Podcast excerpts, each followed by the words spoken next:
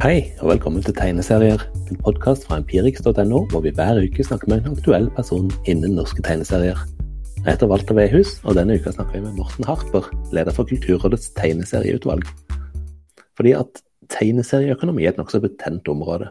Alle virker enige om at det ikke er nok penger i omløp, og konsekvensene for utgivelser som ikke får støtte, kan være store. Jippi forlag la ned den toneangivende Forresten-antologien i 2020 etter å ha fått avslag på innkjøpsordninga denne høsten så var det Jasons nye bok 'God natt hem' som ikke nådde gjennom nåløyet, til fortørnelse fra forleggere og kritikere. Så hvordan forvaltes disse pengene? Og hvordan bestemme hvem som skal få penger når det er altfor lite å dele ut i utgangspunktet? La oss gå til intervjuet med Morten Harper. Så velkommen, Morten Harper. Tusen takk for det. Eh, trivelig å være her. Du er jo leder for det som populært blir kalt eh, Kulturrådets tegneserieutvalg. Og jeg tenker Det må jo vel være en av eh, Tegneserie-Norges både mest og minst populære stillinger, kanskje? Ja, det er vel kanskje en av de viktigste med tanke på å sørge for å få tegneseriene ut til lesere, i hvert fall. Klart, eh, Tegneseriestøtteordningene, både i forhold til produksjonsstøtte og innkjøp, har jo hatt stor betydning tenker jeg, for utviklinga av nye norske tegneserier. Og det er klart Gjennom denne innkjøpsordningen så sørger man jo for at nye norske tegneserier kommer godt ut i bibliotekene også. Mm.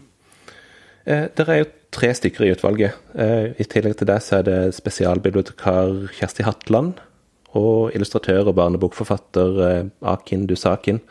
Og, og, dere forvalter to ulike ordninger, så vidt jeg har skjønt. Altså hva som blir innkjøpt til norske biblioteker, og, og produksjonsstøtte til utgivelser i tillegg. Det stemmer. Hvor, eh, og da kan jeg jo legge til ja, at denne, produksjons, ja, denne produksjonsstøtta Der er det jo sånn at det er en del av en eh, støtteordning for litteraturfeltet. Sånn at der er på en måte utvalget sånn formelt sett rådgivende da, i forhold til litteraturutvalget. Men eh, så vidt jeg har eh, erfart, så er det jo på en måte for alle praktiske formål tegneserieutvalget også som, som gjør de, de prioriteringene. da. Men det inngår da som sagt i en del av en større støtteordning for litteraturfeltet, men det er på en måte avsatt en egen budsjettpost for tegneserier innenfor den sekken. Det skal nokså mye til for at de går inn og overprøver det dere har anbefalt? Ja, det er min erfaring, og det er for så vidt naturlig når man først har et sånt eh, utvalg. Så ville det kanskje vært litt merkelig. Men i formelt i hvert fall ser man at det er et underutvalg, mens på innkjøp så er det tegneserieutvalget som direkte da gjør vedtakene. Mm. Altså, hvor avhengig er norske tegneserier av disse, disse ordningene? Mitt inntrykk er at det betyr veldig mye. Eh, mange forlag, mange utgivelser er eh, nær sagt prisgitt eh, de her støtteordningene og de her innkjøpsordningene i forhold til å få økonomien til å gå sånn noenlunde opp. Det er klart For de aller fleste norske tegneserieskapere og, og forlag så er det jo ikke en veldig lukrativ geskjeft, men det er på en måte noe som at, gjør at det er mulig å få ting til å gå rundt. Det er på en måte min erfaring. da. Og eh, det har jo vært gjort ulike mer eller mindre formaliserte evalueringer. Man har jo også sånne kontaktmøter, eh, utgangspunktet en gang i året, med bransjen. Og tilbakemeldingene over tid da, er jo tydelig at dette her er ordninger som er veldig viktig både for serieskaperne og for forlagene med tanke på å utgi norske tegneserier, og ikke minst også da med tanke på eh, å sørge for en litt sånn spredning, altså et mangfold innenfor norske tegneserier. Mm. Produksjonsstøtte det, sånn, det, det, kan man søke på, på, for, på forhånd, men uh, denne innkjøpsordninga, der, der, må du bare gamble til du må bare gi ut, og så håpe at du det, får igjen pengene?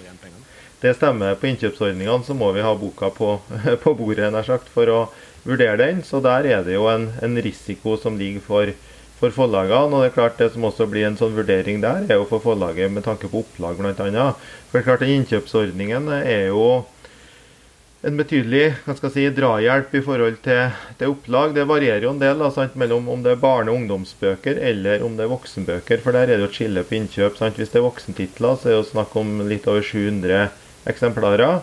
Mens hvis det er for barne- og ungdomsbøker, altså tegneserier, så er det jo 1680 eksemplarer. sånn at det er jo viss sånn forskjell i opplag der, men uansett så er det jo snakk om et betydelig antall sånn i forhold til det som er salget av veldig mange norske tegneserier. Så det blir jo en sånn vurdering for forlaget også når man trykker opplag, om man på en måte skal trykke et opplag ut ifra et forventa innkjøp, eller om man skal ta en sånn slags ekstrakostnad og trykke det nær sagt i to omganger da, hvis man blir kjøpt inn. Så det blir jo på en måte en vurdering. Men, men sånn må vel nesten en innkjøpsordning være, at man har bøkene på plass tenker jeg, for å vurdere det. Mens produksjonsstøtta er som du sier sant, at man skal mer være en sånn fødselshjelper i arbeidet med prosjektet.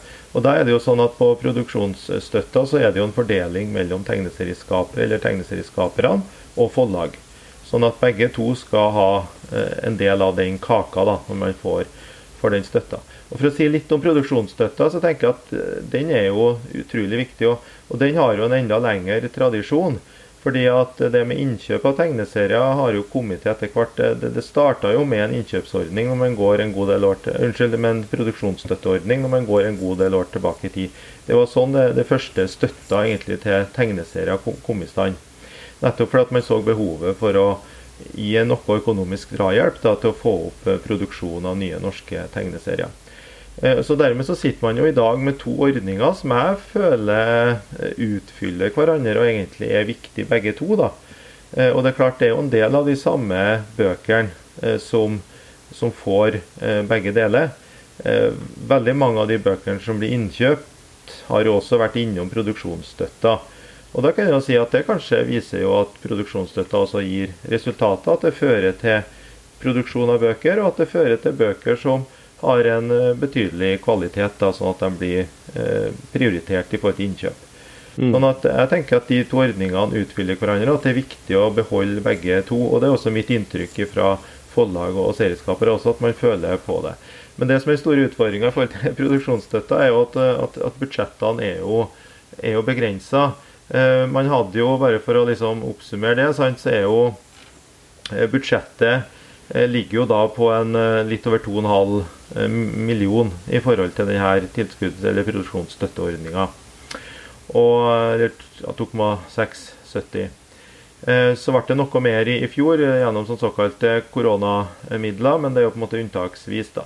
Men det vi føler som en stor utfordring, er jo at søknadsvolumet er jo, altså beløpet det søkes om totalt, er jo mye større. Og da blir det alltid en avveining. Skal man liksom smøre det tynt utover? Eller skal mm. man gjøre veldig sånn tydelige prioriteringer på de prosjektene utvalget føler liksom er de liksom mest solide? da. Og Der blir det jo en litt sånn både og ofte. At man eh, ser jo prosjekter som helt klart har, har, et bra potensial, uten at det kanskje er dem som er aller tyngst i prioriteringa. Men samtidig så blir det feil å avvise dem. Men samtidig så blir det jo på en måte, hvis man drar ned støttemidlene for lavt, så blir jo det nærmest som en klump om foten. på en måte, sant? Det blir bare forpliktelse til å gjennomføre uten at man egentlig får de midlene som trengs. Ja, for å kunne gjøre det på en god måte. Du må lage den tegneserien, og her har du 10 000 kroner. Ja, det er sånn, ja. Latterlig lav sum. Og det, det, det, tjener jo ikke eh, feltet i det hele tatt, det heller. Så, så den, den, liksom, den eh, avveininga står vi jo midt oppe i utvalget og er jo vanskelig. Så det er klart at eh, men det som er viktig, er at det skal ikke så mye, mye mer midler til. La oss si at man øker på med en million, da, som er for så vidt eh, ikke så stort i den store eh, sammenhengen, Nei. Mm. Men for denne tilskuddsordninga så ville det gjort en stor forskjell i forhold til å kunne øke beløpet på de enkelte søknadene, og kanskje også støtta en eller to ekstra søknader. Og Det tror jeg ville vært en veldig god investering. da. Eh, på akkurat på det feltet. Men så, så, igjen så er det liksom budsjettene det står oppi. Eh, og så er det jo en utfordring eh, i forhold til sant, altså, eh, Hvorvidt man får støtte eller ikke på denne eh, støtteordninga, vil jo også avhenge av hvor god man på en måte er til å presentere prosjektet sitt. Sånn at Det er jo avhengig av at man faktisk gjør en ordentlig forberedelse av prosjektet. og Det er jo ikke alltid at en dårlig søknad kan jo for så vidt gi et et godt sluttresultat, det også, sant? men liksom, det er jo det søknaden man har å forholde seg til. da. Så det sier noe om at... Man er flinkere til å lage tegneserier enn man er til å skrive søknader. Så ja, kanskje det. sitter du der. men, men, samtidig så er det jo mye av søknadsgrunnlaget er jo et utdrag av det prosjektet man jobber på. Sånn at eh, det er jo en slags arbeidsprøve, og til dels også ferdige sider. Eh, så det er jo kanskje en litt sånn uheldig tendens nær sagt man har opplevd i det siste, er jo at de her produksjonsstøttesøknadene har vært eh, relativt uh, ferdige produkter. Eh, og det er klart, det gjør det jo enklere å vurdere. Eh, samtidig så betyr det at ordningen liksom, da, da, er det jo ikke helt etter hensikten, sånn som jeg tenker da. For noe av poenget her må jo være at man skal få en, eh, en drahjelp eh, til å realisere prosjektet. Og på en måte ikke, få en klapp på skuldra etter at prosjektet nærmest er ferdig. Sånn at, eh, ja, så, så det også er jo litt sånn, sånn dilemma. Men jeg, jeg, tenker jo at ideelt sett sant, så er jo dette en, en, en, en, støtte til et prosjekt som er under utvikling. Mm. Eh, og at man da får en prosjektstøtte, og så får man da på neste møte igjen en ferdig bok. liksom, sant? Det blir for meg i hvert fall noe, noe paradoksalt. Eh, og det har man jo sett en del eksempler på. da. Men eh, sånn historisk sett i hvert fall så har jo produksjonsstøtta vært kjempeviktig for, for de her teg dominerende tegneserieforlagene, type sånn Jippi og, og No Comprendo. Så er min erfaring sant, at det har vært veldig viktig for deres utgivelser. Og i visse tilfeller er litt sånn være eller ikke være også, bare for å anskueliggjøre hvor viktig de her støtteordningene er. da. Mm. Mm. Ja, eh, noen flere som har gått på smell i det siste, også med denne innkjøpsordninga, eh, som ikke har eh, blitt kjøpt inn som, har, som hadde forventa det. Og dere i utvalget har jo også gått ut tidligere og sagt at innkjøpsordningen rett og slett er, eh, er sprengt. Mm. Eh, hva, hva, legger dere i det? Hva er det som skjer? Ja, nei, altså Det en har opplevd her, er jo at uh, antallet utgivelser, og kanskje ikke minst antallet utgivelser av en betydelig kvalitet, har jo økt kraftig over tid. Og vi lager jo hvert år en sånn årsrapport fra utvalget hvor vi prøver å oppsummere året som har gått. Og i 2020, da, sant, når vi summerte for å ta på innkjøpsordninga, så var det jo 37 titler Eh, som ble behandla. Eh, og vi hadde da midler til å kjøpe inn 23. Altså at det var 14 avslag, da. Mm. Og det er jo et betydelig eh, antall for å anskueliggjøre litt antallet. Og nå ender vi vel opp med et enda høyere antall på uh, totalen i år. Jeg tror det passerer uh, 50 faktisk påmeldte titler totalt på innkjøpsordningen for i år. Såpass? Har de mer penger, da? Eh, nei, i utgangspunktet har vi ikke det. Det er jo noen koronamidler også i år. da. Eh, sånn at, eh, men det, det, er jo ikke noe budsjettøkning i utgangspunktet, nei, men det, man fikk jo en million ekstra gjennom de her koronapakkene. da. Sånn at det, det, det, hjelper jo på litt. Det er jo en type kanskje fire, fire bøker til man da kan, kan kjøpe inn. Mm. Men, eh, men, likevel så blir det veldig hard prioritering nå i da, den andre runden på innkjøp. Det er det ingen tvil om. Eh, veldig utfordrende. Og, og da lurer jeg litt på altså, hva, er det, hva er det første dere må velge bort? Altså, Hva er det første dere skreller bort når, dere må mm. velge bort noe? Ja, Nei, Da blir det jo en uh, vurdering igjen av uh, altså Ut ifra det ordningen skal, skal bidra til. da, og Da jo, har vi jo noen retningslinjer som for så vidt også ligger ut på, på nettsidene til Kulturrådet knytta til innkjøpsordningen. da, hvor Det står litt om vurdering av søknadene. Sant? og Da er det jo generelle at det på en måte er en kvalitetsvurdering som er det sentrale. Og Da står det jo ramsa opp noen punkter der det sant, framstår som et uh, hel, helhetlig verk. Har tilstrekkelig kunstneriske og eller språklige håndverksmessige kvaliteter. Har vært underlagt et nødvendig redaksjonelt arbeid. Eh, og så ligger det jo også et sånn bakteppe her. Hva er liksom intensjonen med hele denne ordningen? da, altså Poenget er jo å få eh, tegneserier ut til, til, lesere, ut til bibliotekene. Sånn at eh, i bakteppet her er, også, er jo på en måte et hensyn altså hvilke bøker er det på en måte viktig å få ut til leserne, da kan du si. Mm. Eh, og dette blir jo da en vurdering som vi tre i utvalget må, eh, må gjøre, eh, sånn ut ifra de her Eh, føringene som ligger i, i, mandatet.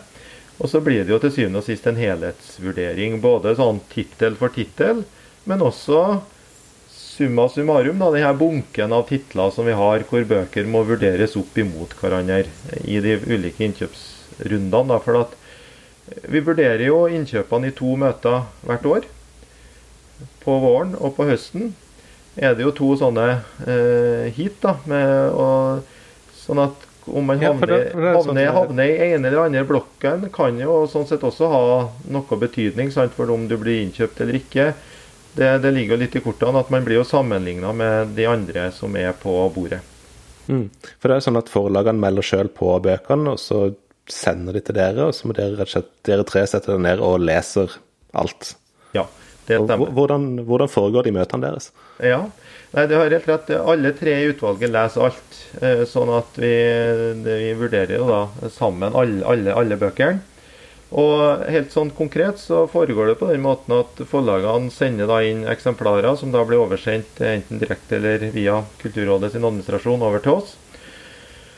Så leser vi igjennom eh, og gjør oss da opp egne meninger. Og vi har ikke noe kontakt sånn direkte om bøkene før møtet. Sånn at vi tre har eh, gjort oss opp måte egne meninger om alle bøkene på forhånd. Det er, det er liksom utgangspunktet. Okay. Eh, og så har vi jo da ett møte eh, hvor man eh, gjør valget eh, mellom hva slags bøker som skal kjøpes inn på vårparten, og likedan ett møte på høsten. Og Det er jo da en, på en måte en sånn vanlig kontordag nær sagt da i, i lengde. ja. Hvor samkjørte er dere i, i, de meningene dere har gjort der oppe ja. på forhånd? Er det mye diskusjoner? En del diskusjoner er det. Klart, En del bøker peker jo seg ut, hvor alle på en måte peker på at her er det helt klart en bok som skal prioriteres, og som må kjøpes inn. Eh, og, og, noen peker seg også ut som at de ikke er like aktuelle. Men, men ofte så vil det jo være noe uenighet også. Eh, det, det er ikke noe tvil om. Nå har det vært litt spesielt sant, i den perioden som har gått da, i forhold til koronasituasjonen. at eh, altså Normalt sett så har det jo vært fysiske møter i Kulturrådet sine utvalg. Eh, men vi har faktisk ikke hatt et eh, eneste fysisk møte ennå. Sånn at vi har jo hatt eh, nettmøter og sittet og diskutert de her bøkene eh, foreløpig. Og det ja, det mulig at det neste møte i innkjøpsordningen blir det første fysiske møtet vårt. da, eh, Så det gjenstår å se. Men det er jo på en måte mer møteform. Diskusjonen er nå akkurat det samme om man sitter med en bokstabel alle tre i Oslo, eller om vi sitter her da i Trøndelag og i Bergen og på mm. Østlandet. Det, det, fungerer jo helt fint. det. Vi, vi, møtes jo og har jo da den diskusjonen. Og da eh, er det jo sånn at vi redegjør jo litt for hva vi tenker hver og en av oss om tittel for tittel. Vi jobber oss på en måte gjennom lista bok for bok. Eh, og diskutere. Eh, veksle litt på hvem som starter og sier litt om boka, og så diskuterer vi med utgangspunkt i det. Og Da blir det jo gjerne sånn at hvis det er en bok sant, som peker seg tydelig ut som at ja, denne boka er vi nødt til å kjøpe inn, eh, da legger vi på en måte den i, i stabelen innkjøp. Og På mm. samme måte også hvis det er en bok hvor ingen av oss tre egentlig føler at dette er en bok som er viktig å prioritere, Eh, så blir den lagt i avslagsbunken. Og så vil jo etter hvert utover møtet da få en sånn stigende bunke som er litt sånn Ja, litt, litt midt imellom, da. Eh, og der vil det jo bla, bli en ny diskusjon igjen til slutt, mer sånn helhetlig, liksom hvor vi da mer veier titlene opp imot hverandre da i denne bunken. At jo, det er mange gode argumenter for å kjøpe inn i bøkene, samtidig så er det liksom ikke helt sånn soleklart at de må kjøpes inn. For det er klart, Med de stramme budsjettrammene vi har, så er det litt, sånn, litt der vi er. altså Hvis ei bok skal liksom være trygg på å bli kjøpt inn, ja, så må det på en måte være en sånn helt sånn entydig at det nærmest føler at det er en nødvendighet at den boka blir kjøpt inn. Eh, hvis ikke så blir det en diskusjon eh, rundt det. Mm. Og eh, det en da opplever, er jo at det er jo mange bøker som gjerne skal kjøpt inn, og som helt klart har kvaliteter som gjør at de burde vært tilgjengelig i bibliotekene, burde vært tilgjengelig for lesere. Men uh, ut ifra budsjettet så er det ikke mulig da, uh, å kjøpe inn uh, alle også av de bøkene som har kvaliteter som helt klart er mer enn tilstrekkelig, og som egentlig hadde fortjent å bli kjøpt inn. Da. Det høres ut som en litt sånn kjip jobb, egentlig. Du sitter der med veldig mange gode ting som på en måte ja, akkurat, det er klart, akkurat denne biten der er jo, eh, er jo på en måte en, hva skal jeg si, en, en sånn slitsom prosess. fordi at akkurat det sant, å lese gjennom disse bøkene er jo en, en privilegert jobb. Det er en drøm, Ja. Det er jo veldig interessant eh, å på en måte få hele da, spekteret av aktuelle tegneserieutgivelser. Mitt inntrykk er jo at det er knapt noen bøker som på en måte er, er, er viktige av norske tegneserieutgivelser som ikke kommer inn og, blir innmeldt. Sånn at Det viser jo på en måte at forlagene er jo på ordningen og ønsker å bruke ordningen, og det er jo kjempebra. Sånn at Vi blir jo veldig godt kjent med det norske tegneseriefeltet gjennom de her påmeldingene. Og Det er jo derfor også veldig interessant sant, spennende å, å, å, sitte og få lese de her bøkene. Men akkurat denne utvelgelsen, eh, og da primært sant, det er negative sider ved det, altså de bøkene du må velge bort, det er jo en eh, tung og vanskelig prosess. Det er det ikke noe tvil om. For det er klart det er flere bøker her som en gjerne skulle ha, la, kunne ha lagt i bunken til innkjøp.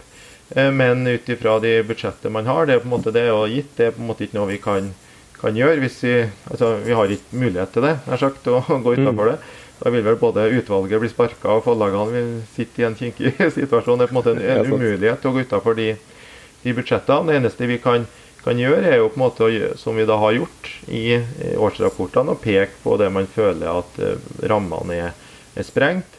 Og det her utvalgene, det er jo sånn at Utvalgene blir oppnevnt for to år om gangen. Uh, sånn at jeg, starta jo da uh, i begynnelsen av 2020. Eh, og Det gjorde jo også da de to andre utvalget. Hun Kjersti da, Atland hun hadde jo da vært med i utvalget tidligere, så hun gikk jo da på en ny periode. Men både jeg og Akin Dusakin var jo da ny i utvalget. Eh, men også det tidligere utvalget, da, som da var ledet av Hans Ivar Stordal med bl.a. Kjersti Hatland, eh, hadde jo også i sin siste årsrapport pekt på samme opplevelsen, da, at budsjettene var for stramme. Mm. Eh, og det er klart at, eh, Så her er jo noe man har sett over tid, og pekt også på hvordan antallet titler har økt, uten at budsjettene har økt noe i nærheten av det tilsvarende.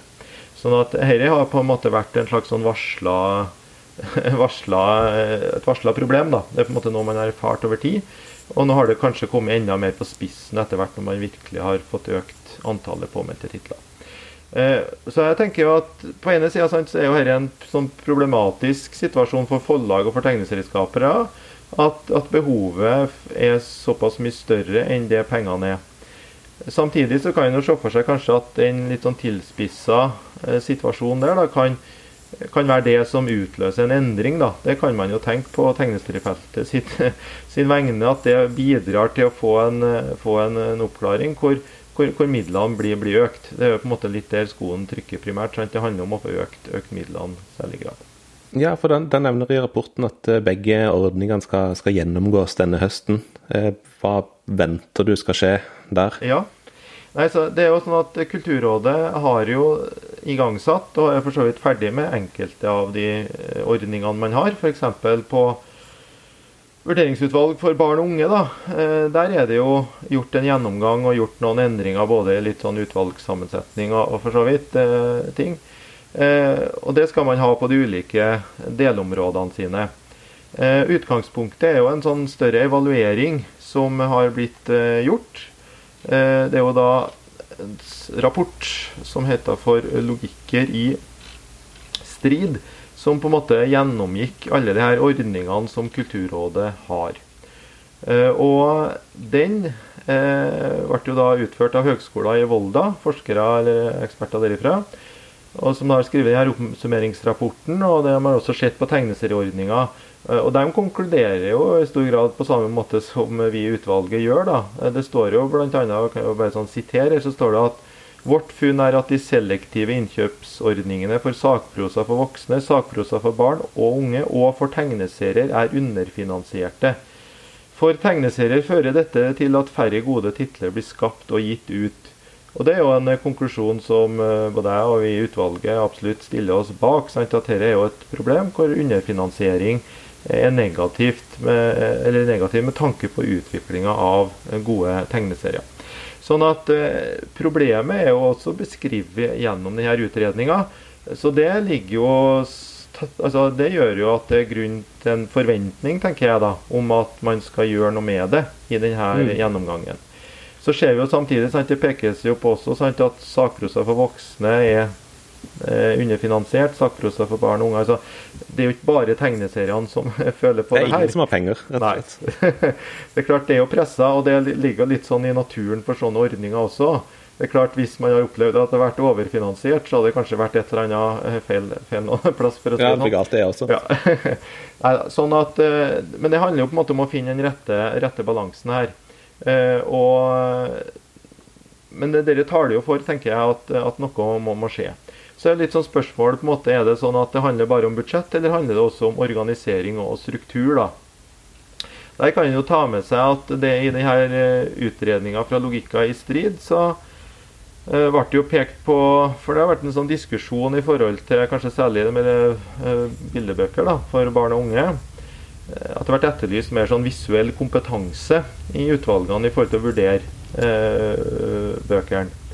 Eh, men der eh, sier man da i denne logikker i strid-utredninga at, at vurderinga knytta til, til tegneserier er på en måte at tegneserieutvalget anses å ha god visuell kompetanse. på en måte Det er tilbakemeldingene og det er vurderingene. og Det tenker jeg er jo veldig positivt å ta med seg at, at et, man opp, har opplevd at tegneserieutvalget har hatt det.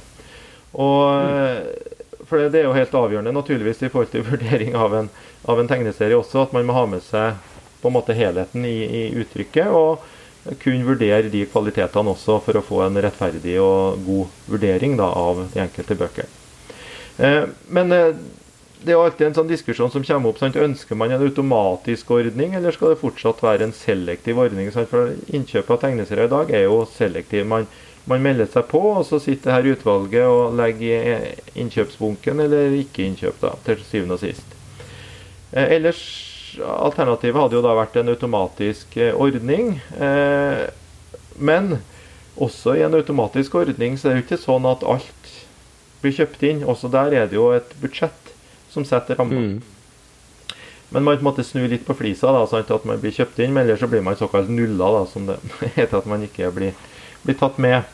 Eh, og da er jo vurderinga hos oss i utvalget egentlig at så fremt ikke budsjettmidlene øker vesentlig, så er det ikke eh, positivt å gå over til en automatisk ordning. Fordi at Nei, Hvis budsjettene skal være så stramme som det er nå, så vil det være så mange som ramler utafor at det ikke vil være hensiktsmessig, og at det tvert imot kan føre til større problemer. For det er klart Forskjellen da på en selektiv ordning og en automatisk ordning er at hvis du har en automatisk ordning, så er det jo forlagene som i enda større grad sitter på risikoen. Du var litt inn på det innledningsvis, sant? at forlagene sitter jo på en risiko. Man melder jo på bøkene til oss også. Men hvis det er en automatisk ordning, så er det sånn at da må ikke forlagene bare melde på, men da må de faktisk sende ut bøkene. Mm. Sånn at de, at de, må ha ut bøkene til bibliotekene før man vet om det blir kjøpt inn eller ikke. Og det er klart at uh, det vil nok uh, gi en enda større økonomisk risiko for uh, de små forlagene. da i forhold til den situasjonen i dag, hvor man mer kan kontrollere og tilpasse opplag og liksom har en større frihet. Tross alt da kan mer ta høyde for at man ikke blir, blir eh, prioritert, da. Mm. Hvis man eh, ønsker å gjøre det. Men du, helt, helt til slutt. Eh, dere leser jo alle seriene som blir tilsendt dere i løpet av året, og dere skriver litt om de rapportene også. Eh, hva slags tendenser eh, ser dere i, i norske tegneserier akkurat nå? Ja, nei, Det er jo en del tendenser som ligger liksom litt i overflata her. Jeg tenker sant, Det aller tydeligste vil jeg jo si er at man har eh, Og det er jo noe som har skjedd over tid. Sant, endringer fra bladformat, på en måte de her vanlige serieheftene, over til bokform. Og I det så ligger det jo også at uh, en sånn endring i forlagsbildet, hvor de her mer sånn tradisjonelt store skjønnlitterære forlagene også har blitt mer og mer inn i tegneseriefeltet. Da. Det er jo kanskje den tydeligste, tydeligste endringen, hvis man skal se i stort og helt, i forhold til det vi opplever knytta til innkjøp og for så vidt også produksjonsstøtte. At det er en endring, sant? Før så var det på en måte de her litt mindre norske rene tegneserieforlagene som var veldig sånn dominerende på utvikling av nye norske tegneserier. Men nå er det på en måte større bokforlag, da, altså Cappelen Dam, Gyldendal, Aschehoug, som, som, melder på ganske mange av, av titlene. sånn at der er det en endring det på en måte har blitt eh, mye bredere da, i forhold til hvem som utgir tegneseriene. Så det, er det er flere som satser på tegneserier, rett og slett. og Det er jo veldig bra. Ja, det er det. Eh, og så kan man jo samtidig spørre seg på en måte, går det, er det sånn at de her tradisjonelle, mindre norske tegneserieforlagene på en måte har har dabba litt av. da. Det er kanskje litt sånn tendensen til det, i hvert fall med tanke på uh, tilsiget av nye, nye, serier. Så det er jo et tankekors kanskje for, for, deres bit, som jo er forlag som har vært veldig viktig for utvikling og nyskapning. Men der har det vært en endring da i forlagsbildet. Eh, det man ellers vil si, tenker jeg at og det hører kanskje litt sammen også med denne endringa. At det skjer på en måte, og det er litt sånn tankekors, en litt sånn uniformering i typer serier. Det er jo veldig mye sånn type bokserier som er veldig godt håndverk og retta til unge lesere. Eh, tenker da på bøker sånn som 'Krypto' av Hans Jørgen Sandnes. Ragnarok, Odin Helgheim, Malin Folk sin 'Nordlys'. Eh, noen eksempler. Sant? Altså, bøker som eh, ligger ganske tett opp til type eh, Amuletten, Anjas spøkelse. Altså lett å se hvilke internasjonale forbilder de, de har. Eh, og som er mm. bøker som har høy eh, håndverksmessig kvalitet, men som er samtidig veldig sånn etablert innenfor sånn bestemte sjangre. Eh, og sånn sett sånn tydelig sånn sjangerlitteratur. Og det er jo eh, interessant at de har på en måte tydelig truffet ganske mange lesere, og det er jo veldig bra. Sånn tegneseriene kommer ut. Samtidig så er det jo et sånn tankekors på en måte om det blir en, en for stor grad uniformering av Eh, av, eh, av utgivelsene. I hvert fall når de blir så, en så stor andel da, av det totale antallet. Så det er nå den ene biten. Et litt sånn tanke, tankekors der, på en måte. sant? Kommersiell suksess, ikke noe tvil om det. Høy håndverksmessig kvalitet. Men samtidig også en eh, litt sånn ens, ensretting i, i, form og innhold. På andre sida så ser vi også mange eh, serier som er litt sånn mer sånn det en skal kalle kanskje litt sånn tidstypiske historier. Altså serieskapere som ønsker å ta opp eh, tema som er på en måte en del av den litt sånn større samfunnsdebatten. Eventuelt reflektere eh, tema som kanskje særlig mange unge er opptatt av. Og Da tenker jeg jo på f.eks. Eh, Nora Dåsnes sin 'Ti kniver i, i hjertet', da, som er av bøkene som ble kjøpt inn i 2020. Og likedan også Jenny Jordal. Hva skjedde egentlig med deg? Siste boka handler om spiseforstyrrelser. Altså litt sånn tematiserende bøker. Eh, mm. Som også er veldig sånn tydelig uttrykk for denne tegneserieromantradisjonen som jo da har med tyngde da etablert seg i Norge de, de siste årene. Og Det også tenker jeg er et eh, interessant og er jo også ofte uttrykk for tegneserier med ganske høye kunstneriske ambisjoner. Og så en sånn tredje trekk som jeg kan peke litt på, er jo at eh, eh Det er jo tidligere vært snakk om sant, at man har etterlyst nye tegneserier for barn og unge. At det på en mm. måte har vært en slags mangelvare. Og det har jo vært en rett etterlysning, sånn som jeg opplevde. At det, på en måte en periode så var liksom nye norske tegneserier det var stort sett for voksne, i tillegg til at vi hadde en del humorserier. Eh, men det vi har sett nå de siste årene, er jo at uh, tegneserier for barn og unge har nær sagt blitt overtatt og blitt dominerende. da. Og at det man på en måte Ja, ikke det ene, så er det det andre. altså At man i utvalget føler litt på at det er ikke så veldig mange nye tegneserieskapere som lager serier dedikert for voksne. Det er litt Må rett og slett bare gå ut og etterlyse det. Nå må, nå, ja, ja, flere tegneserier for voksne. På tide at ungdommen lager tegneserier for voksne. Nei, men altså, Det er litt sånn påfallende hvis man ser på de bunkene våre, så i hvert fall at de tegneseriene som er sånn helt sånn spesifikt retta til voksne lesere, da, er ifra relativt erfarne tegneserieskapere. Hvis en, la oss, ja, igjen da, litt sånn 2020-årgangen vi hadde, så var det jo på en måte Eh, nå tenker jeg både på prosjektstøtte da, og eventuelt eh, på innkjøp. Så var det jo navn sånn som uh, Steffen Kverneland, Kristoffer Nilsen, Jason, Christian Krogh Sørensen, Lars Fiske. Altså det var ganske sånn etablerte Anders Kvammen må jo kunne sies også være begynt å blitt ganske etablert. Altså mm. Ganske sånn gjenkjennelige navn da, som, som prega de serieprosjektene som var veldig retta til voksne. Enkelte andre unntak var det jo, men, men det var litt sånn dominerende. Eh, jeg tenker jo at uh, det hadde vært uh, Det er viktig på en måte sant, å få tenker jeg, tegneserier som over hele, hele, hele floraen, da, for å si det sånn. Og at det er jo på en måte en god del ting man ikke kan gjøre innenfor tegneserier for barn og unge også. Sånn at mm. det å på en måte viktig at man ikke begrenser seg, tenker jeg, til kun denne barne- og unge-retninga, men at man også ser på de litt mer voksne leserne og de mer sånn voksne tematikken i, i serien. Og, men her er det jo er det på en måte ting som det er bevissthet rundt. Sant? Det er jo initiativer f.eks. For i forhold til sakprosategneserier som jeg tenker er veldig positivt, rundt å utvikle mer av det også. Eh, så ting henger jo i hop. Og kan vi si sånn at vi i utvalget liksom, vi får jo på en måte dels litt sånn underveismeldinger gjennom de prosjektstøttene vi får. Da ser vi jo på en måte prosjektsøknadene vi får. Da, da ser vi jo på en måte hva som vil komme litt tid, fram i tid. Og så har vi jo da naturligvis innkjøpsordningen som er en veldig sånn øyeblikksbilde av det som ligger på bordet her og nå. Eh, men i hvert fall det er et, et eh, tydelig sånn bilde vi ser. Og hvis jeg skal avslutte med en sånn siste Ok, en siste. Siste ting her, da, så er det jo også en sånn trend det med å utgi eh, nær sagt klassikere på, eh, på nytt. Eh, og Det tenker jeg jo, er jo interessant, for klart en del av innkjøpsordningen sin misjon er jo på en måte å gjøre tegneserier altså, tilgjengelig.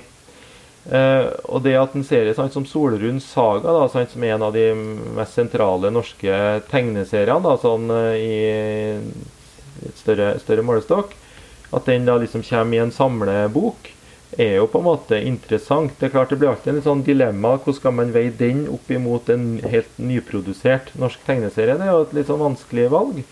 Samtidig så tenker jeg at for, for leserne så er det viktig å, å bli kjent med eh, en del av den norske tegneseriehistorien også. Sånn at eh, noen sånne utgivelser er absolutt eh, viktig, eh, og også da, som til syvende og sist utvalget da fant å prioritere.